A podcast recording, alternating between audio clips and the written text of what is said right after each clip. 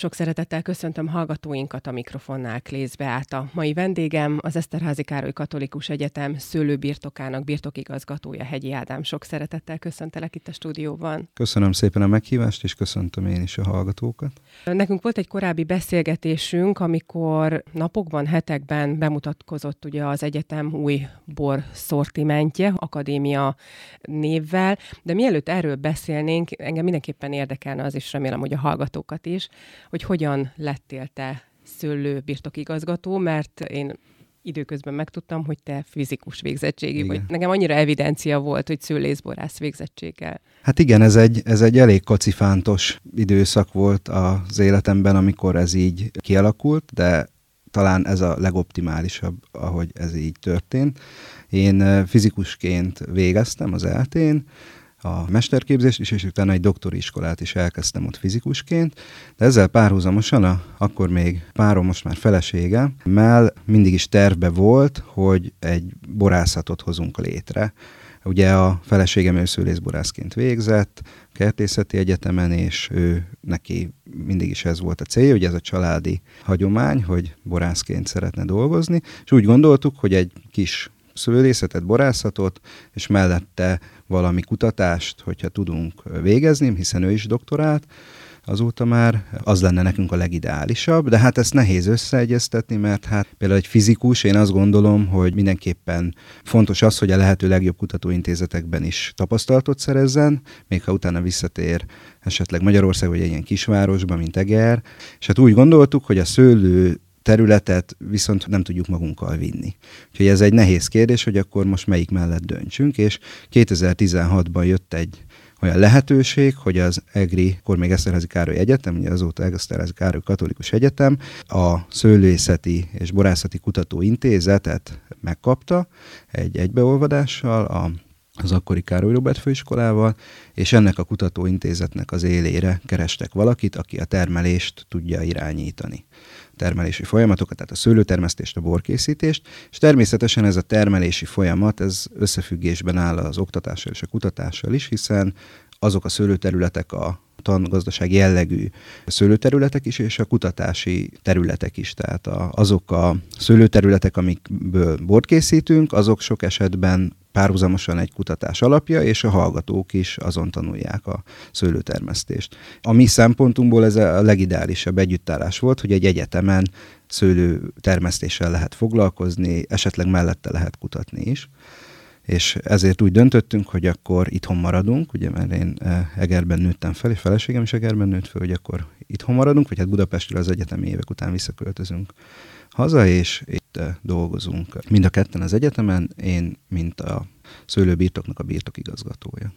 Most pont azon gondolkoztam időközben, hogy ha általános vagy középiskolai tantárgyakat én, mint nem szőlészborász végzettségű keresnék ehhez a szakmához, akkor a biológiát, meg a kémiát, valószínűleg a matematikát is hozzátenném. A fizikát lehet, hogy maximum negyedikként tettem volna hozzá. Igen. Tehát a fizika, a kutatás szó ugye többször elhangzott, uh-huh. ez itt ugye az eszenciája az egésznek, vagy talán a, a közös pont. Igen. De mondjuk a, a fizika lehet ugyanolyan hasznos ebben a szakmában, mint mondjuk egy biológia, kémia, vagy egyáltalán jól állítottam fel itt a tantárgyi sorrendet? Igen, a sorrend jó. Az, hogy minek mi a hasznossága, az elég gyorsan változik. Nyilván nagyon sok biológia és kémia ismeretre szükség van ahhoz, hogy az ember jó szőlészborász kutatói legyen. Tehát mert ezek biológiai és kémiai folyamatok, tehát az elengedhetetlen. De én azt gondolom, hogy az én általam tanultak közül, amit a fizikai tanulmányaim alatt sajátítottam el, nagyon sok olyan képességet tanítottak meg nekem, amit jól fel tudok használni. Én mindig is úgy gondolkoztam, és mindig is olyan területen dolgoztam, ami nem teljesen egy tantárgyra vagy egy témakörre fókuszál, hanem szerettem az ilyen inter- vagy multidisciplináris területeket. Anyagfizikával foglalkoztam egyébként, ami egy kicsit talán kémiai és műszaki ismereteket is igényel a, az alapkutatás jellegű fizika mellett. Meg hát gyakorlati embernek tartom magam, tehát én nagyon szeretek kint a szőlőben dolgozni, a pincében dolgozni, traktoron ülni, így a kutatásban is a gyakorlati oldalát szeretem a, megfogni a dolgoknak, és az a terület, amivel én most már mint kutató is foglalkozom, a szőlészeti, borászati termelésnek az irányítása mellett, az egy bioinformatika jellegű mikro- és molekuláris biológiai terület, ahol gyakorlatilag azokat a statisztikai és matematikai ismereteket tudom nagyon jól kamatoztatni, amit egy fizikus sokkal többet tanul, mint egy biológus például, mert ilyen a területnek a sajátossága, és így nagy segítségére tudok lenni sokszor a kollégáknak is ebben a kérdéskörben. Csak hogyha egy gondolat erejéig el lehetne játszani azzal, hogyha nem kerültél volna a feleséged révén a szőlővel, borral kapcsolatban, és még az egyetemi nagy távlati tervek, akkor te most öveges professzor nyomdokaival lennél valószínűleg? Hát, ha nem is öveges professzor, de nem hiszem, hogy szőlővel és borral foglalkoznék. Nekünk a családunkban ugyan volt szőlő, mezőkeresztesen a nagypapámnak, de az egy pici háztai szőlőterület volt. A mezőgazdaság mindig is érdekelt egyébként gyerekként is én a kertbe szerettem játszani, meg volt saját paradicsomom, meg, meg nyulaim, meg, meg ilyenek. Ezzel szívesen foglalkoztam, de, de nem volt arra lehetőség, hogy szőlőt műveljünk. Ugye azért amikor mi ezt elkezdtük a feleségemmel, a saját szőlőterület művelését, az 2010, akkor már azért bőven a rendszerváltás után kialakult a birtokrendszer. Azt akarom ezzel mondani, hogy nem olyan könnyű volt már szőlőterülethez jutni, mint korábban. Tehát akinek volt, annak volt lehetősége szőlővel foglalkozni, akinek akkor nem volt, annak vásárolnia kellett, ami nehéz, főleg fiatalon. Úgyhogy én nagyon hálás vagyok emiatt, hogy belekerültem ebbe a világba, és megismertem a borvilágát. Ez egy csodálatos dolog, mert a legszebb része talán az, hogy hogy nagyon szuper és nagyon erős és nagyon őszinte emberi kapcsolatok alakulnak ki a szakmán belül, meg a borfogyasztók és a borászok között is. És milyen az élet a szőlőbirtokon? A szőlőbirtokon az élet az nagyon izgalmas, mert amellett, hogy mi próbálunk egy hagyományos egri borászatként dolgozni, és élni mindennapokat, és azokat a feladatokat elvégezni, amiket egy ilyen borászat elszokott, amellett nekünk ugye az oktatás és a kutatás az ezek előtt, tehát ettől fontosabb, mindig előtérbe helyeződik. Tehát mondok egy példát, az egri csillagborunkban mindig van leányka de hogyha valamelyik kísérlet azt kívánja, hogy a lányka szőlőterületen valami, mondjuk egy olyan kísérleti beállítást kell eszközölni, ahol mondjuk nem permetezünk, vagy csökkentett mondom permetezünk, és akkor így, így valószínű kialakul valami járvány, mert ugye ezt akarjuk megfigyelni, vagy ezt akarják a kollégák megfigyelni, akkor mi beáldozzuk a lányka termésünket ennek érdekében. Tehát nekünk a kutatás az első. Én azt gondolom, hogy ez azért is, mert egy egyetemnek kell beáldozni a, a termését ennek érdekében, és nem egy borászatnak. Tehát ez nekünk a küldetésünk, nekünk az alaptevékenységünk az oktatás és a kutatás, de nyilván nem mindig kell ezt meglépni, tehát hogyha hál' Istennek nem minden évben és minden szőlőfajta esetében jönnek ilyen ötlettel a, a kutató kollégák, úgyhogy bőven marad olyan termésünk, és akkor most ez nyilván kisarkítva, de hogy marad olyan termésünk, amiből bort tudunk készíteni.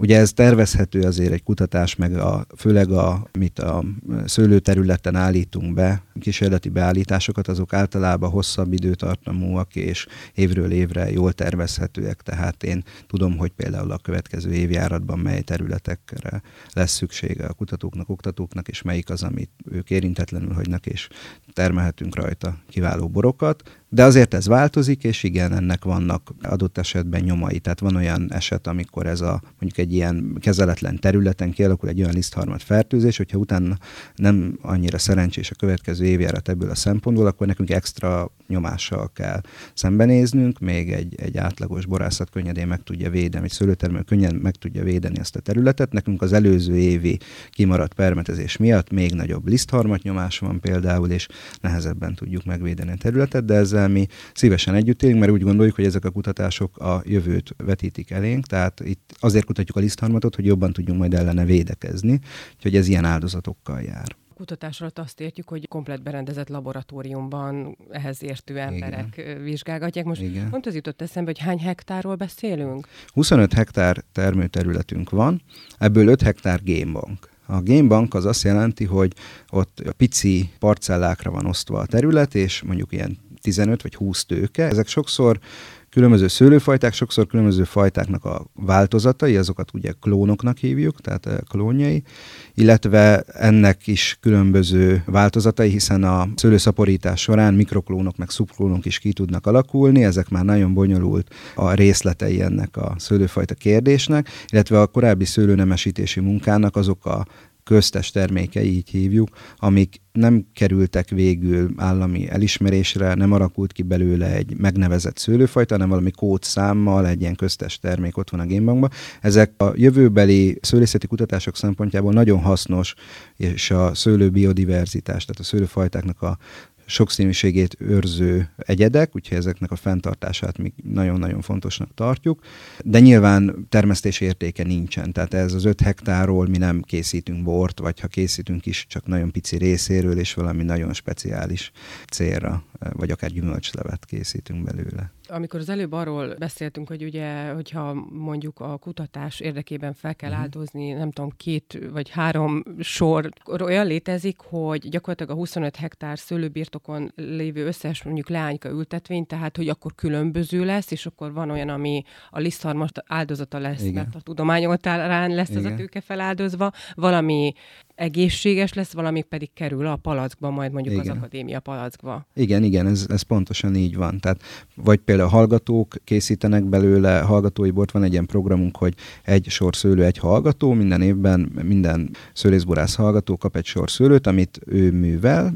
legalábbis a szorgalmi időszakban mindenképpen, de azért elég lelkesek a hallgatóink, úgyhogy a vizsgai időszakban is szívesen kijárnak az ültetvényre. Nyáron? Nyáron is, aki nagyon lelkes, az nyáron is. Nyilván nyáron sok munka van a szőlővel, de a növényvédelmet azt központilag végezzük, mert úgy hatékonyabb. Úgyhogy azt a, ugyanúgy a traktora, hogy járja az ültetvényeket, bepermetezi a hallgatói sorokat is. Aki esetleg szeretne mondjuk bio módon permetezni, vagy valamit nem, mondjuk rezet nem használni, vagy valami ilyen mini projektet talál ki a témavezetőjével ebbe az egy sorszülő, egy hallgató projektben, akkor ott nem. De hogyha ilyen nincsen, akkor azt ott a növényvédelmet elvégezzük, a szőlészeti munkákat, a hallgatókat kérjük, hogy végezzék el, akkor is, hogyha ez túlmutat a tanórák idején, illetve nyári szünetben van, de nyilván, hogyha kell, akkor meg besegítünk, tehát hogy emiatt ne, egy, egy kimaradt munkafázis miatt ne ússzon el az egész év. Ha most jól emlékszem, 36 sor lánykánk van, akkor annak a fele az valami kutatásnak, vagy valami hallgatói célra van számva, és akkor abból nem tudunk bort készíteni, hanem csak a másik feléből. De ez így is volt mindig, tehát hogy nekünk ez nem újdonság. Mindig is voltak ilyen lehetőségek, meg nyilván igyekszünk ezeket a dolgokat optimalizálni. Mondjuk a szirász őlőfajtából nincsen csak hat sorunk, azt a hat sort csak valami nagyon fontos célra szeretném beáldozni, hiszen az egy jó fajta, és egyébként a, például egy superior bikavérben egy nagyon jó összetevő lehet, de hogyha ezt mindet beáldozzuk valami célra, akkor azzal a borunk egy picit gyengébb lehet, úgyhogy ha esetleg mondjuk a merló fajta is alkalmas arra a kísérletre, akkor inkább azt választjuk közösen. De ez mindig egyeztetésre kerül a kutató és oktató kollégákkal, hogy melyek területek azok, amik úgymond így beáldozhatóak. Az előbb egy olyat mondtál, hogy bio módon Igen. szeretne permetezni mondjuk Igen. egy hallgató. Na most ugye az ember, aki kimegy a piacra, egy átlag ember, aki nem szőlészborász végzettségű, mint ahogy említettem, volt én sem, a biónál azt gondolja, hogy vegyszermentes teljesen. Akkor ez mit jelent, hogy biomódon permetezni? Uh-huh. Hát nem vegyszermentes, csak bizonyos vegyszereket nem lehet használni. Uh-huh. Tehát alapvetően úgy lehet legegyszerűbben elképzelni, hogy csak olyan vegyszerek módszereket lehet használni, amik nem szívódnak föl a növénybe. Ez sem teljesen igaz, de mondjuk ez egy jó általánosítás, vagy jó kép lehet, hogy olyan szereket lehet használni, ami a megmarad a szőlőbogyónak a külsején, és mondjuk azt egy eső lemossa, vagy vízzel le lehet mosni, és a felszívódó szerek azok meg nem biok. Mondom, ez nem teljesen igaz így, mert vannak erre ellenpéldák is, de alapvetően mondjuk ez egy jó trend lehet. Az, hogy bio egy ültetvény, egyébként ez egy hosszú átállás, tehát ez egy öt éves átállás. Nyilván ettől nem lesz az az egy sor bio, hogy egy hallgató egy évig úgy permetez, de változni fog a, az egészségügyi jellemzője a növénynek. Tehát egy nehezebb évjáratban biomódon nehezebb megvédeni a szőlőt. Minden évjáratban nehezebb megvédeni a szőlőt biomódon, több energia befektetés kell, nem csak a permetezésbe, tehát a növényvédelembe, hanem a szőlő zöld munkájába, tehát abban a munkába, amit a, a tőkén, a hajtásokkal, a fürtökkel, a levelekkel végzünk, ebbe is egy több energiaráfordítás kell, mert annak jobban rendbe kell lenni ahhoz, hogy az a csökkentett hatású növényvédelem is hatékony legyen. Ez egy kompromisszum helyzet, de ahogy említettem, erre kell egy, egy hosszabb idő, hogy bio nak lehessen nevezni egy szőlősort, hiszen ezek a erősebb növényvédőszerek, ezek megmaradnak a, az adott területen, és ugye az, ki kell úgymond ürülnie a területnek, a szőlőnövénynek ebből, illetve az is fontos, hogy a szőlőnek is át kell állni. Ugye növényként nem beszéltünk rendes immunrendszerről, mint az embereknél, de van egy ellenálló rendszere a szőlőnek, ami tud fejlődni, tehát hogyha elkezdjük ezt az átállást, akkor arra kell mindenkinek számítani, hogy főleg az első időben sokkal rosszabb lesz az eredmény. Meg nyilván az annak is köszönhető, hogy az embernek kevesebb a tapasztalata, és ahogy eltelik mondjuk öt év, úgy át lehet állítani egy szőlőültetvény bioművelésre például. Ez a szőlőbirtok, ha valaki esetleg nem tudja, ugye Egert elhagyva Kerecsent felé Igen. pár száz méterre található, Igen. tehát a földrajzi adottságaiból kifolyólag, de javicskat évedek, ugye még ugyanúgy a Mátrabük lábánál van, tehát Igen. egy hegyvidéki rész, tehát azt tudjuk, hogy az Egri borvidék messze földön híres, tehát nyilván nagyon jó adottságok vannak, de ha már most lassan áttérünk ugye az akadémia mm. új borra, milyen szőlőfajtáknak a legoptimálisabb terület? A mi szőlőterületeink a kőjuktető dűlőben találhatók, az Eger városához tartozó dűlők közül a legdélebbi dűlő. Egyébként a kitettsége nem annyira meredek, egy kelet-nyugati tájolású terület, a tengerszint feletti magasság sem túl magas, az egri dűlők között ilyen közepesnek mondható. Igen, a, a büknek a lábánál elhelyezkedő vulkanikus dombok az egyike, ez a, a, a kőjüktetődűlő. Ugye alatta a kőjük pincesoron riolitufa pincék találhatók, és nyilván kőjüktetőn is egy riolitufa alapkőzeten barna erdőtalajon gazdálkodunk. Ebben a dűlőben ez a barna erdőtalaj igen vastag. Tehát azt lehet mondani, hogy igen magas, tápanyag tartom és vastag tápanyagdús réteg áll rendelkezésre, ami szőlőtermesztés szempontjából egyrészt jó, mert nyilván egy új telepítés nagyon gyorsan fejlődik, de sokan azt mondják, és erre nekem is vannak tapasztalataim, hogy egy kevésbé tápanyagdús környezetben egy idősebb szőlő terület, ahol mi már jól az alapkőzetbe beszövődő, vagy a morzsalékos rétegeket átszövő gyökérzettel rendelkezik, az, az ásványosabb, gazdagabb borokat tud adni. Ugyanakkor a, a, azt gondolom, hogy, hogy a jelenkorban a, a mélység mellett a gyümölcsösség, a, a finomság, az elegáns ízek is nagyon fontosak egy, egy borban, úgyhogy a nagyon jó vitalitás, amit egy ilyen gazdag talaj adhat, az is fontos a szőlőnövénynek. Úgyhogy ez bizonyos szempontból előny, bizonyos szempontból hátrány, minden esetre egy adottság, a területre jellemző, mi ezen a területen gazdálkodunk, és ennek a területnek az adottságait igyekszünk kiemelni a borokban. Hogy milyen fajták használhatók az egri borvidéken? Hát erről nagyon sok szabályzat rendelkezik, és az sem mindegy, hogy melyik bor, melyik borászati termék esetében, mert ez változhat. Tehát egri bikavérben is vannak használható fajták például, de ezen kívül vannak más fajták, amik egri borként termeszthetők, vagy egri bort lehet készíteni belőlük. Ez igen változatos, tehát egerben nagyon sok szőlőfajtát lehet termeszteni, ezek fehér és kék szőlők is. Mind a kettőből nagyon sokat lehet termeszteni. Én még ennek hátrányát sosem érzékeltem a gyakorlatban, ez egy nagy pozitívum. Azért, mert tudunk alkalmazkodni éppen az aktuális évjárathoz, minden évjáratban van olyan fajta, még a leggyengébben is, ami kiválóan szerepel, és akkor az a bor lesz abból az évjáratból a megfelelő. Illetve tudunk házasításban gondolkodni, ami szintén egy egyediséget ad. Mert ugye egy adott szőlőfajtát, mondjuk mondok egy nemzetközi szőlőfajtát, például a Chardonnay, azt a világon mindenhol termesztik, és az egy bizonyos borászati eljárással el lehet érni azt, hogy a világon mindenhol szinte ugyanolyan ízvilágú bort ad. De Egerben azzal, hogy a, a magyar és a nemzetközi fajtáknak és elég színes palettájából házasított borokat készítünk, ez így viszonylag ritka. Talán nincs is más olyan borvidék, ahol például a a kékfrankos, a Pinot Noir és a Cabernet Franc egy házasításban szerepel, hiszen egy bordói és egy burgundiai fajta egy borban, erről mindenki csodálkozik, amikor egy bikavér esetén ez a két fajta egy borban megtalálható, mint házasított bor. Úgyhogy én azt gondolom, hogy ez egy egyedi adottságunk, amit ki kell használni. A bikavér egyébként is egy olyan termék, ami azért, hogyha a borfogyasztókat megkérdezünk a világban, ismerik ezt a, ezt a márkát Az biztos, hogy azon dolgoznunk kell, hogy egyre jobb és jobb megítélése legyen, hiszen volt olyan időszak, amikor nem volt ez sajnos olyan jó. De azt gondolom, ez a munka már régen elkezdődött, nem most kezdjük, és nem is az elmúlt egy-két évben, és jó úton haladunk, de nagyon sok energiát bele kell tenni, mert hiszen nagyon nagy a verseny a világban a bor területén, illetve ma már ugye nagyon könnyen eljut az információ bárhova a világon, és ez nagyon sok energiabefektetést igényel, hogy mi eljutassuk azt az információt, hogy Egerben a bikavér az a, az a bor, ami a borvidékre jellemző, és úgy gondoljuk, hogy a, a zászlós bora kell, hogy legyen a borvidéknek. Egyáltalán az, hogy mi akadémia brand borról beszélünk, ez egy régi terve volt az egyetemnek, hogy egy magas minőségű bormárkát hozzon létre? Igen, 2016-ban én azt a feladatot kaptam, hogy ebből a szőlőterületből és ebből a pincéből csináljunk egy jól működő egri borászatot. És nyilván egy jól működő egri borászat magas minőségű terméket állít elő.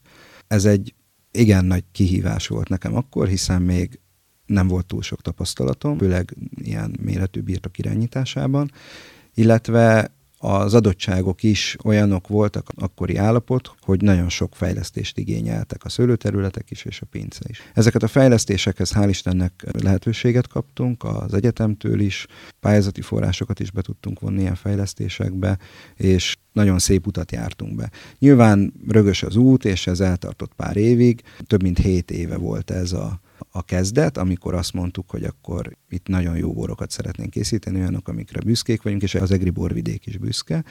És ennek a legutóbbi lépése az volt, hogy létrehoztunk egy olyan márkanevet, egy olyan új arculatot, egy olyan új borcsaládokat, olyan új borokat, amik már ennek megfelelőek, ennek a hitvallásnak megfelelőek, és méltó módon képviselik mind az egyetemet, mind az egyetemet fenntartó Egri Főegyházmegyét, és mind az Egri borvidéket. Az akadémia borok azok igen pár hete jelentek meg, de ahogy mondom, erre már régóta készülünk. Az, hogy mikor alakult ki ez a név, az nem egy olyan nagyon régi történet, tehát ennek meg kellett érni mind gondolati síkon, mind a boroknak el kellett érni azt a minőséget, ami, ezt eredményezi. Ugye egy, a szőlőtermesztésben történt egy váltás, hiszen korábban sokszor lédigbor értékesítés vagy szőlőértékesítés volt a, a cél, a termesztési cél. Ebből mi váltottunk minőségi borkészítésre. Ez például a szőlőtermesztésben azt jelenti, hogy nem a mennyiség a cél, hanem a minőség, ez a kettő nem jár együtt, kevesebbet kell termelni egy szőlőtőkén ahhoz, hogy jobb minőségű gyümölcsünk legyen. Sokszor a felét, egy harmadát vagy még kevesebbet jelenti a kihozható optimális, a maximális termelésnek. Ugye nem jó nagyon sokat, mert akkor tönkre megy az ültetvényünk nagyon hamar, az, az sem jó, de van egy optimális mondjuk ilyen 4 kiló per tőke, ami egy ilyen mennyiségi termesztésnél egy jó cél átlagos fajták nézve. Ehhez képest egy minőségi bortermesztés az a, mindenképpen a két kiló alatt, de ugye az egy kiló körül van per tőke, amikor azt mondom, hogy az egy jó minőségű termés lesz. Tehát ez egy negyede a másiknak.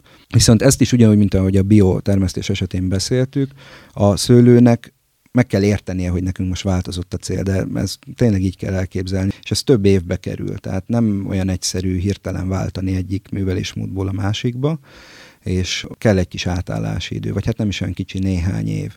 Ugyanígy, és ugye utána igaz az, hogy amikor ezek a borok már a jobb módon termelt szőlőből elkészülnek, annak még érnie kell a pincében, a palackban. Tehát ez mindenképpen időre van szükség, úgyhogy kellett ez a több mint hét év ahhoz, hogy ezeket a borokat ebben a palackban, ezek, ezzel a címkével, ezzel a márkanével, hogy akadémia lepalackozhassuk, és kitelsük büszkén az asztalra, hogy mi ezt tudjuk. És itt az akadémia borokból három kategória készült, Igen. ez már több helyen akár el is hangzott, de most a hallgatóknak Igen. mindenképpen mondjuk el, hogy mi ez a három kategória. A három kategóriák közül az első az a stúdium nevet viseli, három stúdium borunk jelent meg, egy fehér, egy rozé és egy vörös bor. Ezzel a kategóriával a fiatalokat és hát egyetem lévén a hallgatókat is megcélozzuk. Ezek könnyed borok, amik jól érthetőek, ezek a borok gondoljuk azt, hogy egy, egy fiatalt bevezethetnek a borkultúrába. Ugye nagyon fontos az, hogy a kulturált borfogyasztással megismerkedjenek a, az Egerben tanuló hallgatók. Hát egy borvidéki központban tanulnak, még ha nem is szőlészborász szakon, de körülveszi őket a szőlő és a bor, főleg ősszel szület időszakban láthatják a szőlőt szállító traktorokat a városban is akár, és rengeteg boros program van, úgyhogy úgy gondoljuk, hogy aki itt tanul, bárhonnan is jött az országból, vagy a világ más országából, az ismerkedjen meg a helyi borkultúrával, és ezek a borok erre nagyon jók, hiszen kedvesek, könnyűek, jól fogyaszthatóak, illatosak, nagyon finomak, könnyű megérteni őket. A következő kategória az a klasszikus akadémia kategória. Ebben klasszikus, tehát egri klasszikus termékeknek megfelelő borokat készítünk. A két legfontosabb termék ebbe az egri csillag és az egri bikavér. Tehát klasszikus egri csillag, klasszikus egri bikavér. Ezen kívül ebben a kategóriában most megjelent egy chardonnay borunk is, ami hát nagyon finom, és azért gondoltuk, hogy érdemes önmagában lepalackozni, de alapvetően itt a, tehát mi a házasított borokra és a negri csillagra és a bikavére szeretnénk hosszú távon fókuszálni, úgyhogy ez a két termék lesz az, ami ezt a klasszikus kategóriát majd meghatározza a jövőben is. A felső kategória pedig a superior kategória.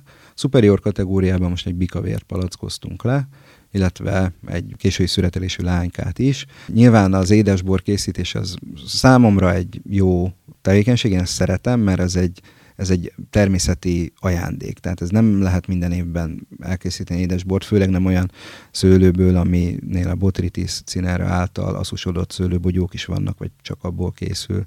Ugye ugyanúgy, mint Tokajban, Egerben is megjelenik ez, csak nyilván ritkábban, meg nem olyanok az adottságaink, de megjelenik, és hogyha van egy olyan évjárat, akkor tudunk készíteni ilyen bogyókból készült bort, ami nagyon finom. Ez egy nagyon nagy ajándék, tehát én ezt úgy gondolom, hogy egy borásznak, hogyha van rá lehetősége, ki kell használni, mert ez egy természet természeti kincs.